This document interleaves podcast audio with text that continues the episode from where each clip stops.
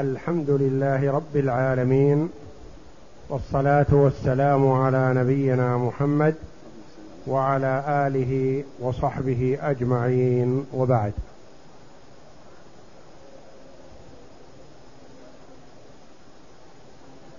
تقدم لنا الكلام على قسمة التركة على الغرماء. وأن طريقة القسمة على الغرماء كطريقة القسمة على الورثة سواء بسواء. فكأن الغرماء هم الورثة. وديونهم وأنصباهم من ال وحقوقهم لدى التركة كأنها أنصباهم وراثة. وطريقة القسمة أن نجمع الديون ونجعلها بمثابة مصح المسألة.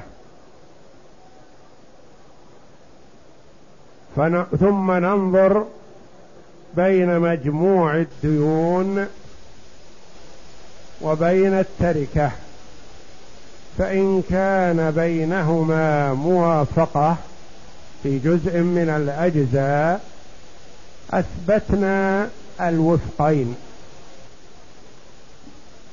ثم ضربنا نصيب كل غريم بوفق التركة. ثم قسمنا الناتج على وفق الديون. والناتج هو نصيبه من التركة. لأجل أن يكون النقص عليهم على قدر أنصبائهم. وهذا نحتاج إليه إذا كانت التركة أقل من مجموع الديون.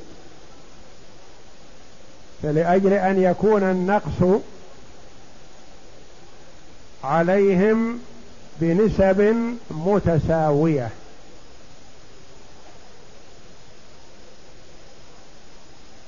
فإن لم يكن بين التركة ومجموع الديون موافقة. أثبتنا الجميع. وضربنا نصيب كل غريم دينه في مجموع التركة. وقسمناه على مجموع الديون. والناتج هو نصيبه من التركه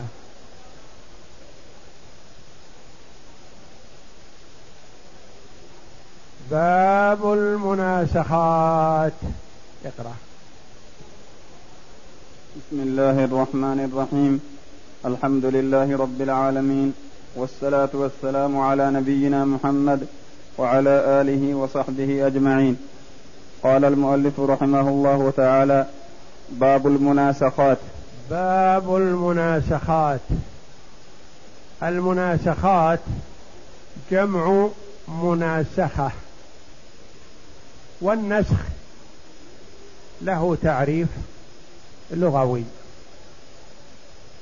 وتعريف شرعي وتعريف اصطلاحي. تعريف لغوي بحسب لغة العرب. حسب نطق العرب. ماذا يقولون في النسخ؟ والشرع بحسب الكتاب والسنة. والاصطلاح بحسب اصطلاح الفرضيين في هذا الباب. تعريف لغوي بحسب لغة العرب.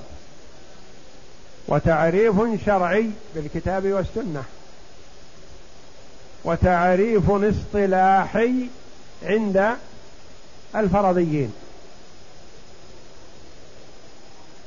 نعم. ما معنى النسخ لغة واصطلاحا؟ وما معنى المناسخة؟ ولم سميت مناسخة؟ هذه أسئلة.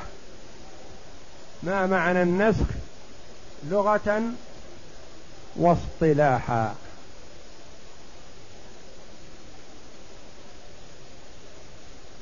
لغة واصطلاح. وشرع وهو رحمه الله عرفه لغة وشرعا واصطلاحا. ولكنه في السؤال قال ما معنى النسخ لغة واصطلاحا؟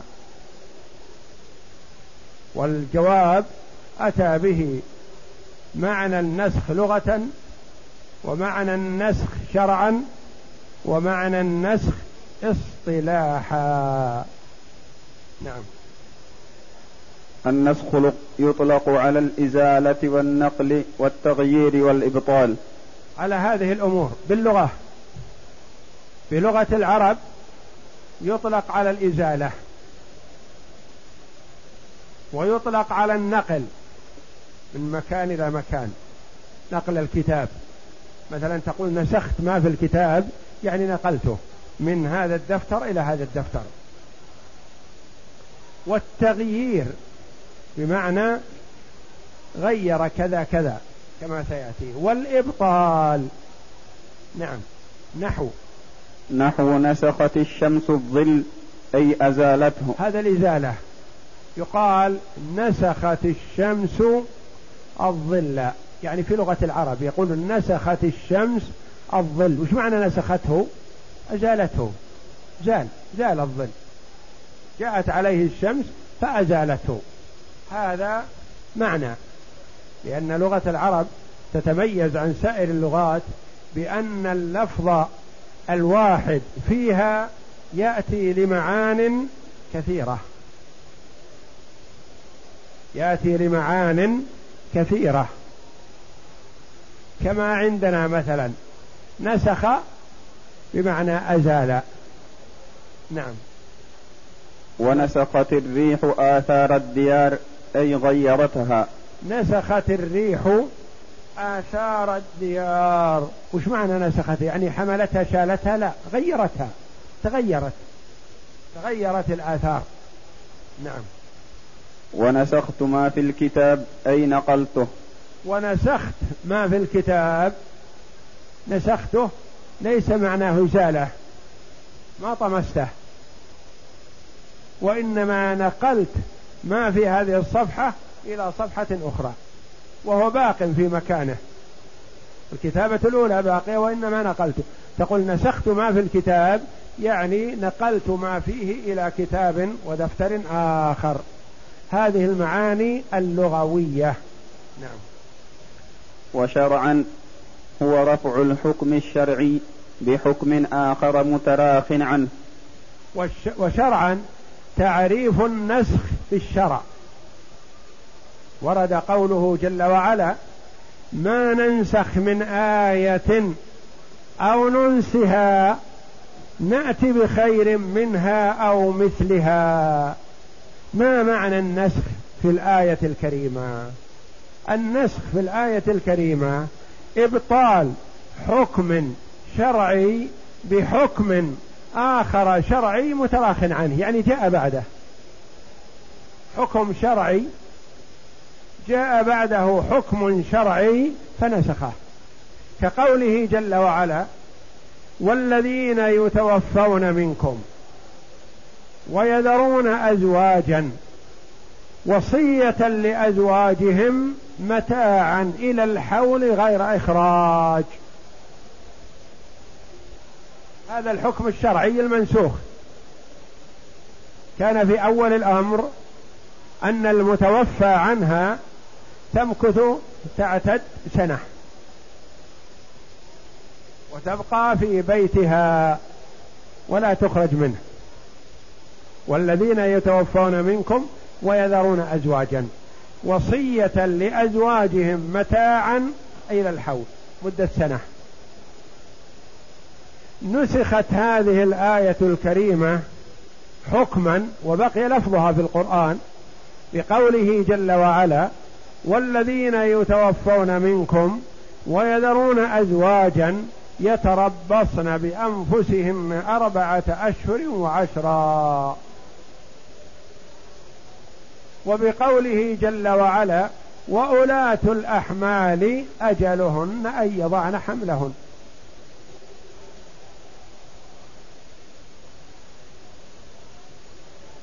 فالآية الكريمة الأولى منسوخة والآية الكريمة الثانية ناسخة.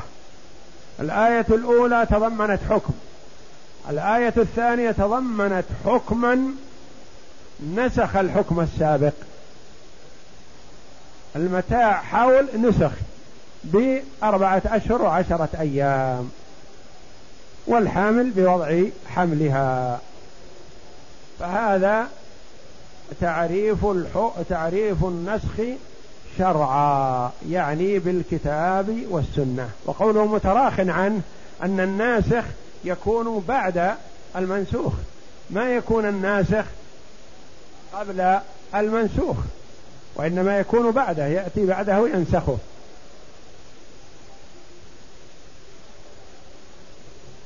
نعم.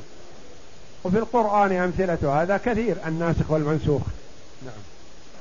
والمناسخة في اصطلاح الفرضيين. والمناسخة في اصطلاح اصطلاح من؟ هنا قال اصطلاح الفرضيين إحنا ندرس فرائض. لم يكن باصطلاح الأصوليين. ولا باصطلاح الفقهاء ولا باصطلاح مثلا البلاغيين وإنما باصطلاح الفرضيين باصطلاح علم الفرائض. لكن مناسخة إيش معنى مناسخة في الفرائض؟ أن يموت شخص من ورثة الميت الأول قبل قسمة تركة الميت الأول.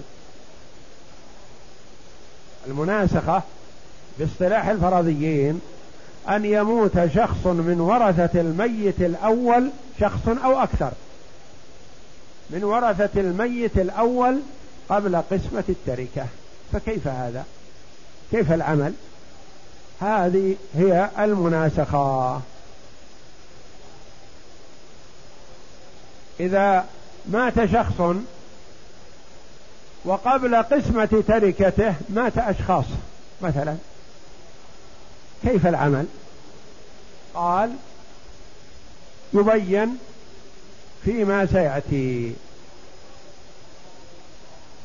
إذا المناسخات والمناسخة باصطلاح الفرضيين هي أن يموت شخص من ورثة الميت الأول قبل قسمة التركة. والمناسخة باصطلاح والمناسخة في اصطلاح الفرضيين. أن يموت ميت, ميت فأكثر. ميت فأكثر يعني ميت أو ميتين أو ثلاثة أو أربعة من ورثة الميت الأول. نعم. من ورثة الميت الأول قبل قسمة تركة الميت الأول.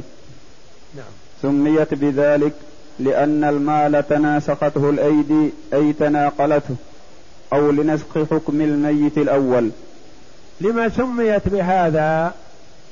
قال لأن المال تناسخته الأيدي. المال ميت الأول ثم انتقل الميت الثاني قبل أن قبل موته ثم مات الميت الثاني انتقل لمن بعده وهكذا. تناسخته الأيدي. نعم. أي تناق أو أي تناقلته أو لنسخ حكم الميت الأول.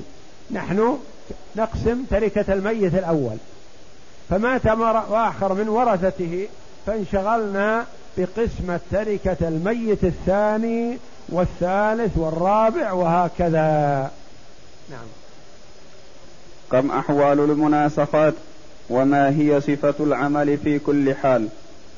كم أحوال المناسخات؟ المناسخات لها أحوال. هي ثلاثة أحوال فقط لا رابع لها. تعرف بالاستقراء إن شاء الله. نعم. لها ثلاث حالات.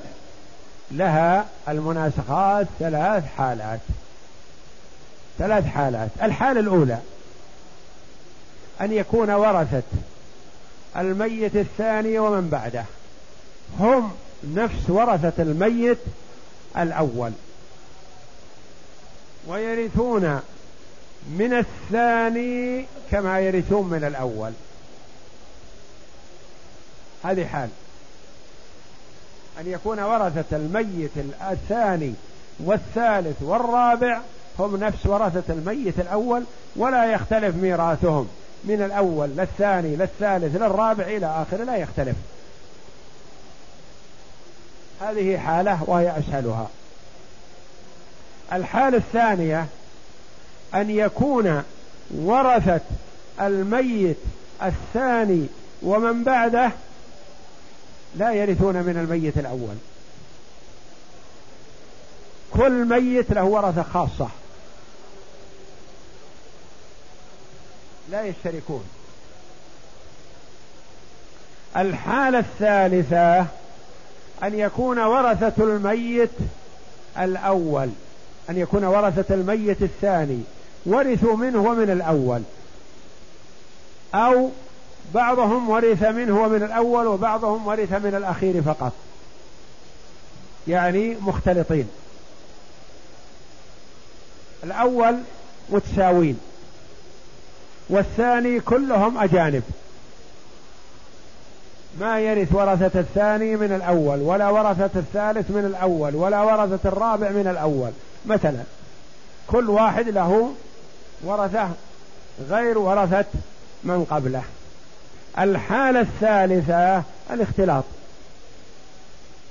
أن يكون ورثة الأول يرثون من الثاني ورثة الثالث يرثون من الأول. واختلف إرثهم. مثلا المرأة ورثت من الأول بكونها زوجة. ورثت من الثاني بكونها أم. ورثت من الثالث مثلا بكونها جدة. وهكذا. فهي ثلاث حالات. الاستواء والافتراق الكامل والاشتراك. يرث من الأول ويرث من الثاني ويرث من الثالث. قد تكون المرأة ورثت من الأول بكونها زوجة ثم ورثت من الثاني بكونها زوجة ثم ورثت من الثالث بكونها زوجة. ثم ورثت من الرابع بكونها زوجة وهكذا إلى ما لا نهاية له. لأنها يموت عنها زوجها الأول أخ مثلا ثم يتزوجها أخوه قبل أن تقسم تركة الميت الأول. ثم يموت الثاني فترث من الثاني ومن الأول بكونها زوجة من الأول والثاني والثالث والرابع. وترث من الخامس بكونها أم. وهكذا يعني بحسب الحال. أما فإذا الأحوال ثلاثة. أن يشترك الورثة في ميراثهم من الأول والثاني والثالث ومن بعده ولا يختلف ويأتي لهذا أمثلة. الثاني أن يكون لكل وارث ورثة لا يرثون من غيره. الحال الثالثة أن يرث بعضهم من الأول والثاني ويستجد للثاني والثالث ورثة غير ورثة الأول. نعم. وهذا يعرف إن شاء الله بالاستقراء حالة بعد حالة. نعم. الأولى أن يكون ورثة الثاني يرثونه على حسب ميراثهم من الأول. مثل أن يكونوا عصبة لهما. فاقسم المال بين من بقي منهم ولا تنظر إلى الميت الأول. كميت خلف عشرة بنين فماتوا واحدا آخر فلم يبق منهم إلا اثنان. فماتوا واحدا بعد آخر فلم يبق منهم إلا اثنان. فاقسم المال على عدد رؤوس الباقين اثنين. ولا تحتاج إلى عمل مسائل لأنه تطويل بلا فائدة ويسمى هذا الاختصار قبل العمل. وعلم مما هذا يسمى الاختصار قبل العمل. مثلا إيضاح هذا أب توفي عن عشرة بنين مثلا. ورثه عشرة. ما قسموا التركة. انتظروا. مات واحد من الأبناء العشرة. من ورثه إخوته التسعة. مات واحد من التسعة. ورثه إخوته الثمانية.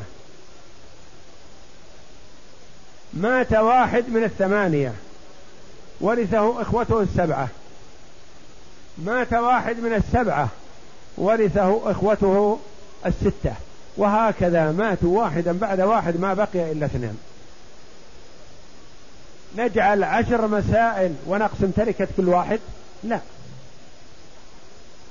هذا المال من كونه للأب ورثه أبناؤه العشرة مثلا ماتوا ثمانية من العشرة ما بقي إلا اثنان.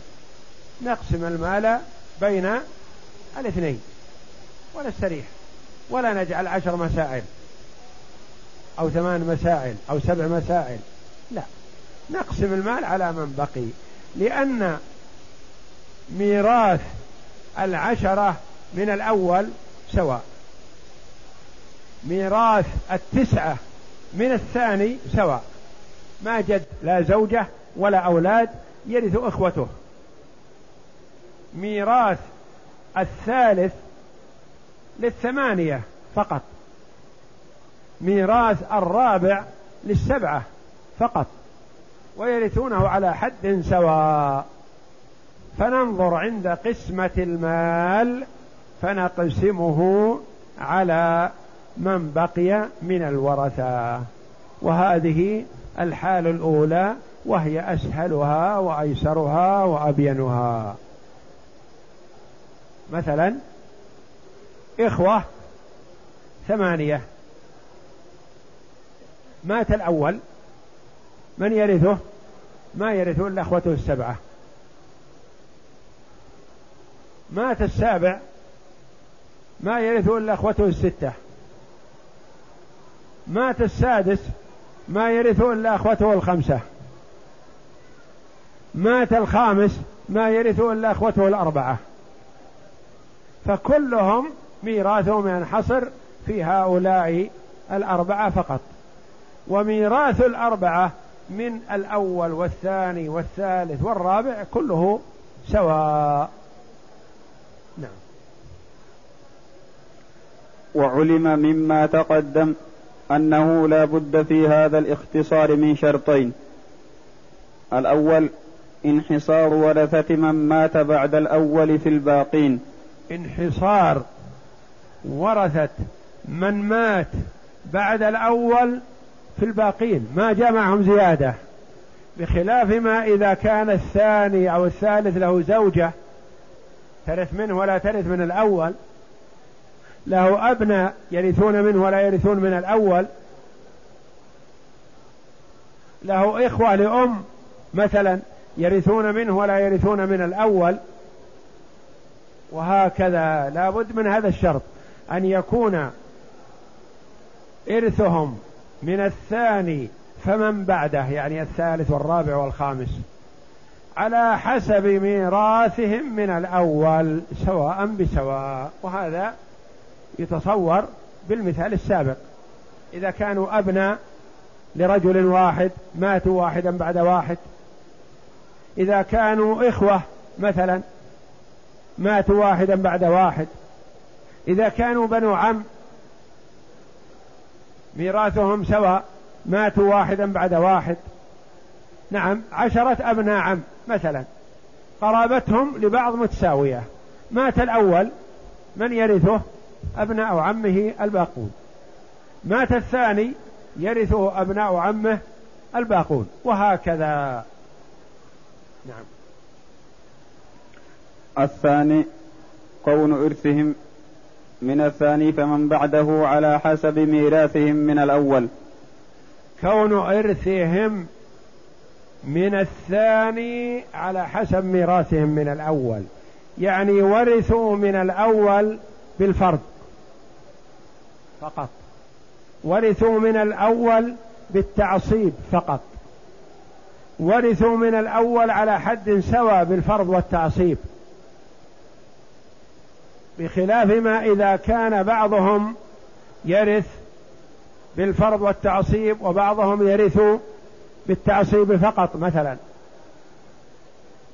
كماتت امرأة مثلا عن ثلاثة أبناء عمها أحدهم زوجها فمات أحد أبناء العم فابن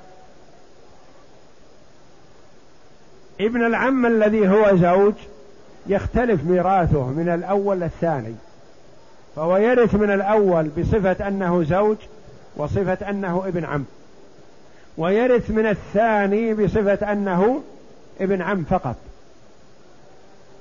وهكذا يعني بهذين الشرطين الأول انحصار ورثة من مات بعد الأول في الباقين يعني ما يزيدون ولا ينقصون. إن زادوا صارت من المسألة من الحالة الثالثة.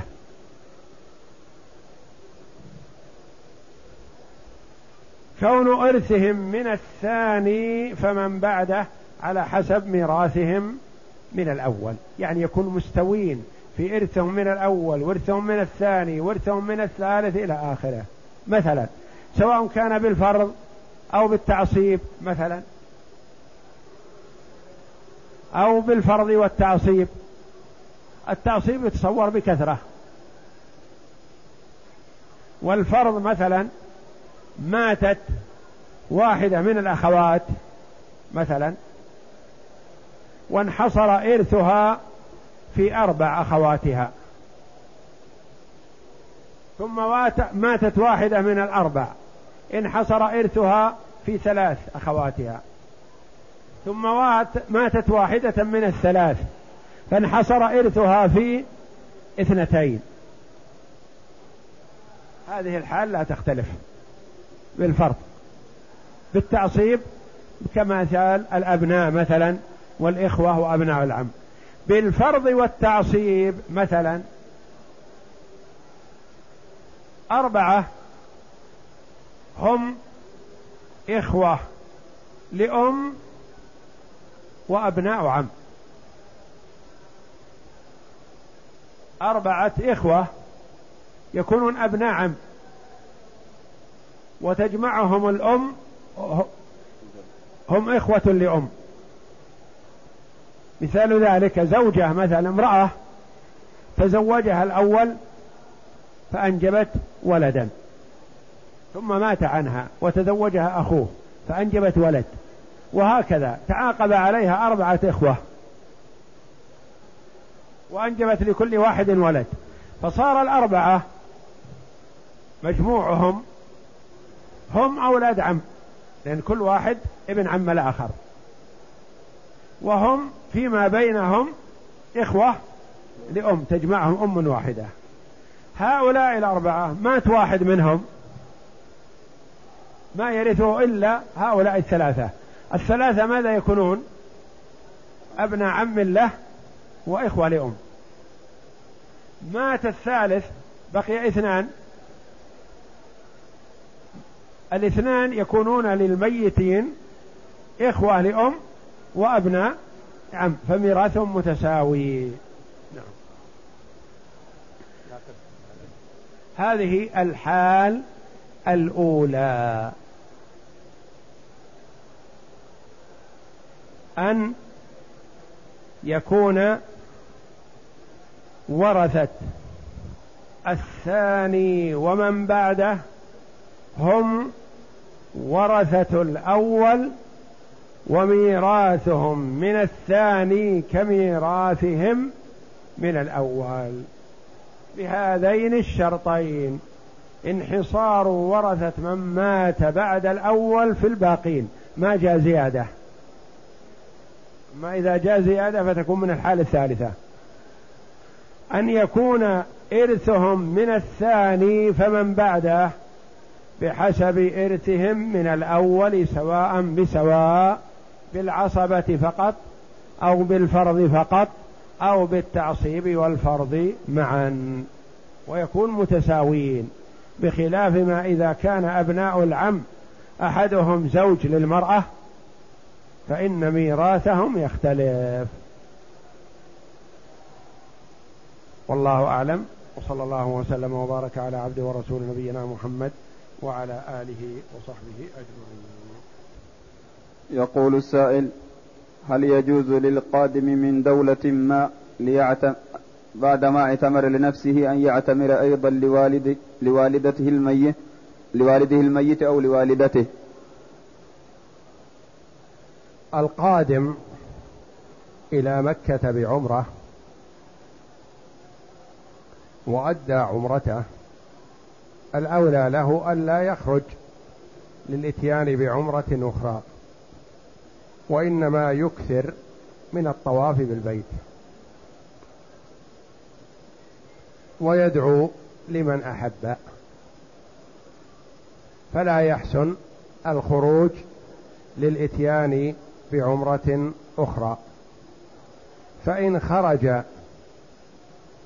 لحاجة من الحاجات أو ذهب لزيارة المدينة المسجد النبوي ثم رغب في العودة إلى مكة أو خرج إلى الطائف أو إلى جدة أو إلى أي مكان قريب أو بعيد ثم رغب في العودة إلى مكة فيحسن أن يعود إليها بعمرة عن نفسه أو عن غيره.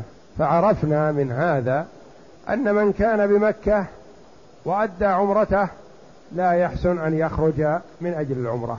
ومن خرج لحاجة ورغب في العودة إلى مكة فيحسن أن يعود إليها بعمرة. يقول توفي رجل في المستشفى بسبب, بسبب إهمال الأطباء فدفع المستشفى تعويضا لأولاد الميت فهل هذا المبلغ يقسم بين الورثة أي بمعنى حكم الإرث؟ نعم هو أي مال يأتي للميت تعويض أو تركه من ماله هو حكمه يورث عنه. بما في ذلك الدية أو أي تعويض وصل إليه فإنه حكمه حكم ماله في الوراثة عنه يقول هل يجوز الطواف من المسجد الحرام طواف التطوع بعد أداء الفرض سواء عمرة أو الحج؟ نعم الطواف مستحب في كل وقت والطواف بالبيت صلاة إلا أن الله أباح فيه الكلام فلا حرج في الكلام فيه. لكن ينبغي لمن تكلم ألا يتكلم إلا بخير. فلا يتخذ مثلا المطاف متحدث يتحدث هو والآخرين مثلا إلا أن الله أباح فيه الكلام.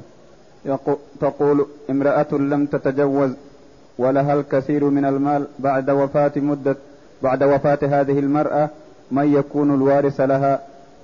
هل الإخوة أو الأخوات علما بأنها تعيش مع أحد الأخوات؟ علما بأن الأب والأم انتقلا إلى رحمة الله. كل شخص متزوج أو غير متزوج إذا مات يكون ورثته يكون ماله لورثته. والله جل وعلا بين الورثة. ما وكل أمرهم إلى ملك مقرب ولا إلى نبي مرسل. فبحسب من خلفت. إذا كان لها أبوان الميراث لهم. ما لها أبوان الميراث للإخوة الأشقاء إذا لم يكن لها أولاد. إذا لم يكن أشقاء فمن لاب اذا لم يكن لأب يكون للأعمام لبني الإخوة وهكذا حسب الترتيب. فيذكر من الأقرب لهذه المرأة ثم يبين الوارث منهم وغير الوارث. يسأل عن مسجد تحيط به القبور من جميع الجهات.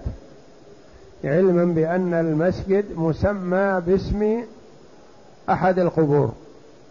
فهل تصح الصلاة فيه؟ لا. لا تصح الصلاة فيه إذا كان هذا المسجد بني من أجل هذا القبر وجعل هذا القبر فيه فلا تصح الصلاة فيه.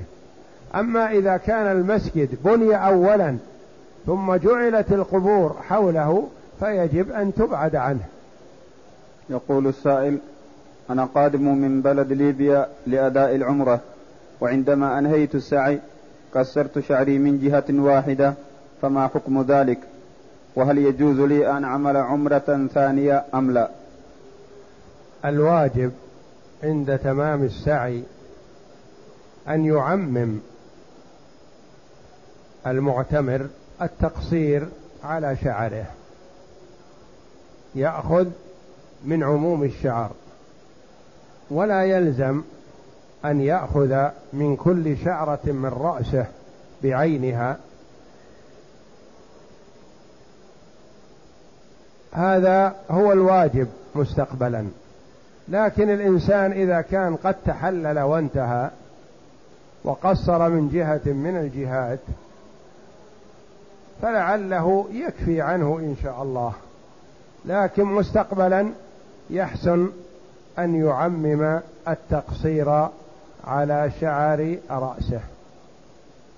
يقول وهل أستطيع أن أقوم بعمرة لجدي المتوفى علما بأنه أدى فريضة الحج؟ ما دمت أخي أديت العمرة فلا يحسن أن تخرج للإتيان بعمرة أخرى. فإن سافرت من مكة إلى جهة ما ورغبت في العودة إليها فعد إليها بعمرة عمن شئت. وأما وأنت بمكة فلا يحسن أن تخرج للإتيان بعمرة أخرى بل أكثر من الطواف بالبيت وادع لمن أحببت ولإخوانك المسلمين. يقول هل تصح العمرة عندما يكون الإنسان عليه دين أم لا؟ من عليه دين الواجب عليه المبادرة بأداء الدين لإبراء ذمته. ولا ينبغي له أن يحج ولا أن يعتمر إلا إذا استأذن صاحب الحق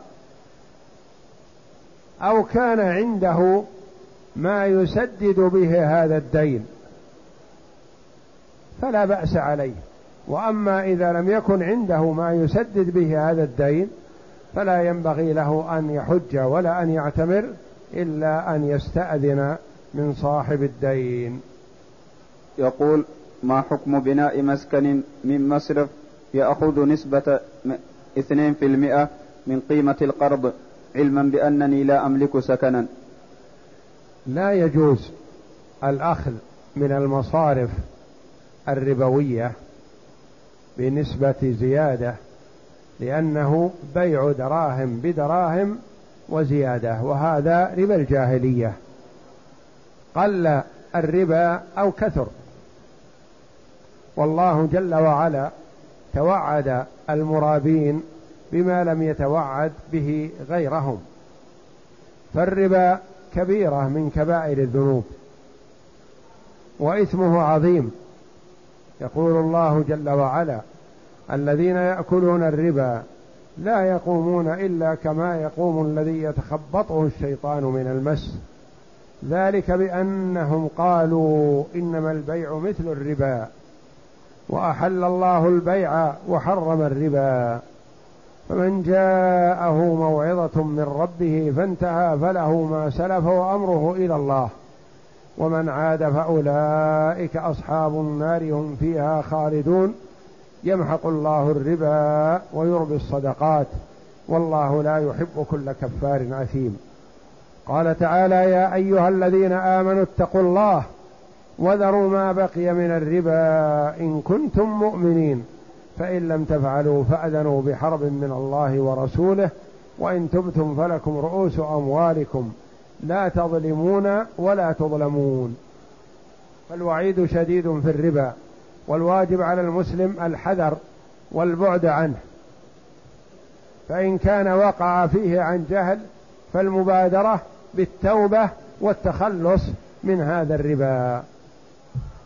وهذا الذي يسأل عن طلاق زوجته مجبورا هذا عليه مراجعة المحكمة ليتثبت من هذا الجبر. يقول السائل أنا مدرس لدي راتب من الدولة هل يجوز لي في وقت فراغي أن أعلم القرآن الكريم بأجرة؟ يجوز لك إذا كنت تؤدي العمل الموكول إليك من قبل الدولة ولا تبخس منه شيئا فتعلم في وقت فراغك أو تشتغل بأمر ما بعمل ما في وقت فراغك لتستفيد منه وتفيد منه الآخرين فلا حرج إذا لم يكن في هناك ضرر في عملك الذي أن هو موكول إليك. يقول التركة ستون ألف الوارثون الأخ والأم والأخت كم لكل واحد منهم؟ الأم لها السدس والأخ والأخت إذا كانوا كلهم أشقاء أو لأب فلهم الباقي للذكر مثل حظ الأنثيين. وإن كانوا إخوة من الأم فقط فلهم الثلث والباقي لأولى رجل ذكر من العصبة. يقول إذا كان الميت الثاني أبناء وهو يرث من الميت الأول لكن مات هل يأخذ أبناؤه ميراثه؟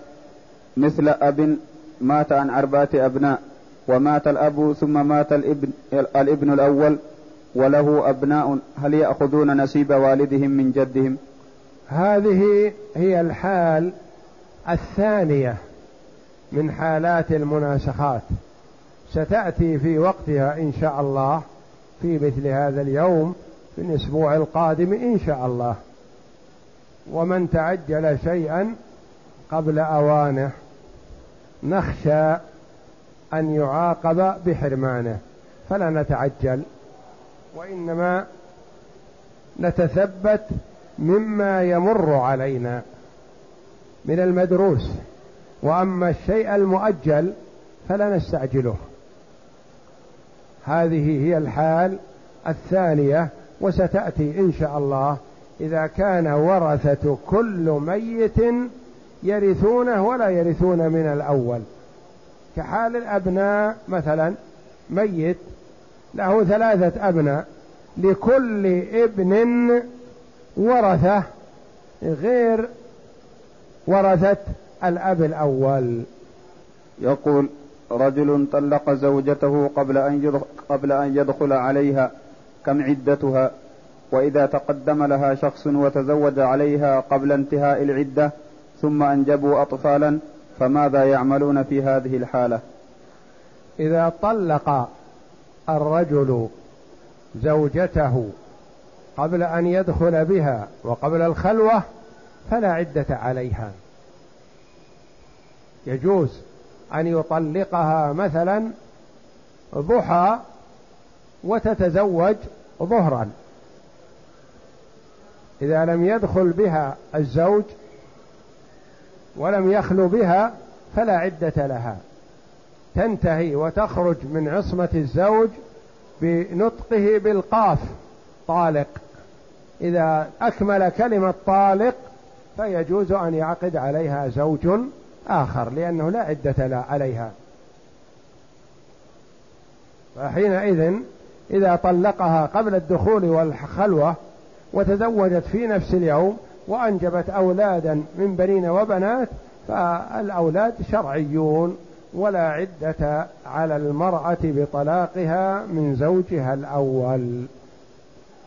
ما دام لم يخلو بها. يقول السائل لدي قريب لا يسلي هل يجوز أن يأكل في بيته؟ مع العلم أنه تم نسعه ولكنه يمتنع عن ذلك بحجة أن الله لم يهده. أولا أخي عليك الاستمرار في مناصحته. ولا تحرص على مجالسته لأن تركه للصلاة منكر عظيم وكفر بالله وخروج من ملة الإسلام. أما المناصحة فتناصح كل من التقيت به وكل من مرت به. أما أن تأنس به وتأكل معه في بيتك أو في بيته فهذا لا يجوز لك ما دام تعلم أنه لا يصلي ويصارحك بأنه لا يصلي ويقول إن الله لم يهدني هذا ضلال والعياذ بالله. والواجب على المسلم المناصحة لكن لا تجالسه مجالسة استئناس ورغبة في محادثته ونحو ذلك والأكل معه في بيتك أو في بيته. تبتعد عنه وتناصحه. يقول السائل هل على المعتمر في مكة هل على المقيم في مكة طواف وداع عند أدائه العمرة أو الحج؟ وإذا أراد أن يعتمر عن أمه وأبيه الذين ما الذين ماتا فهل يلزم خروجه لميقات بلاده أم إلى الحل علما بأنه اعتمر عن نفسه؟ أولا طواف الوداع بالنسبة للمعتمر محل خلاف بين العلماء رحمهم الله. بعض العلماء يرى أنه يجب في العمرة كما يجب في الحج. وبعض العلماء يرى أنه يجب في الحج فقط ولا يجب في العمرة. فالمسألة فيها خلاف. وعند الجميع فيما أعلم أنه لا فدية على من ترك طواف الوداع من المعتمرين. المعتمر إذا ترك طواف الوداع لا يلزمه فدية لكن الأفضل له والأكمل أن يعتمر أن يودع يطوف للوداع لأن الطواف عبادة وقربة لله جل وعلا. فيحرص عليه. وأما إذا أدى عمرته فلا يحسن أن يخرج للإتيان بعمرة أخرى. فإن خرج لحاجة كزيارة المسجد النبوي أو للطائف أو لجدة أو لأي مكان لغرض من الأغراض ورغب في العودة إلى مكة فليعد بعمرة عن نفسه أو عمن شاء يقول السائل عقد شخص على امرأة على امرأة بوليها وبحضور أهله وأهلها على المهر المسمى بينهما في العقد ثم دخل بها في بيت أبيها ولم يعرف أحد ثم ستره الله وبعد أيام دخل بها في بيته فماذا عليه عليه إثم بهذا الفعل؟ ليس عليه شيء ما دام أنه عقد على المرأة ودخل عليها مثلا قبل إعلان الزواج فلا بأس عليه ولا حرج. هي زوجته. لأنه إذا تم العقد حصل الإيجاب والقبول وثبت العقد فهي زوجته. دخل عليها في بيت أبيها أو في بيته هو أو أخذها معه إلى أي مكان هي زوجته. ما دام تم العقد. بخلاف ما يتصور بعض الناس مثلا أنه إذا عقد عليها لا يجوز أن يقربها حتى يعلن النكاح. إعلان النكاح سنة يعلن ويكون بعلم من الناس لكن لو عقد عليها ودخل في الحال عليها في مكان ما وخلا بها هي زوجته. يقول رجل باع سيارة بالتقسيط على أجل في ثمانين ألف ريال كل شهر يسلم ألفين. فكيف يؤدي زكاة هذا المال؟ هذا المال من حين تم البيع هو ماله وله في ذمة هذا الرجل. فإن كان هذا الرجل موسر فيزكيه كلما حال عليه الحول. وإذا كان من عليه الحق معسر غير ملي فبحسب اختلاف العلماء رحمه الله في زكاة الدين على معسر. قال بعض العلماء يزكيه في كل سنة وقال بعضهم يزكيه إذا قبضه لسنة واحدة وقال بعضهم إذا قبضه استقبل به حولا جديدا. يقول الابن الذي يولد قبل العقد الشرعي هل ينسب لمن كان السبب في وجوده؟ لا. إذا كان زنا فلا ينسب إلى أبيه إلى الزاني. ولا يصح أن يعقد هذا الزاني على هذه المرأة وهي حامل لأنها يجب أن تكون في عدة من هذا الزنا وعدة هذا الزنا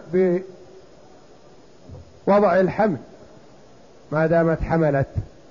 فمتى ما وضعت الحمل تمت عدتها يعقد عليها. أما في حال انشغالها بالحمل فيحرم العقد عليها.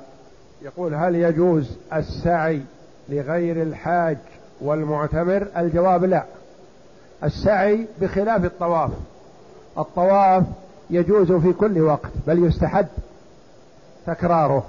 وأما السعي فيسعى سبعة أشواط في الحج وسبعة أشواط في العمرة ولا يكرر لأن الله جل وعلا ما تعبدنا في كتابه ولا على لسان رسوله صلى الله عليه وسلم بتكرار السعي وإنما نعبد ربنا بما ثبت في سنة رسول الله صلى الله عليه وسلم وهو تكرار الطواف.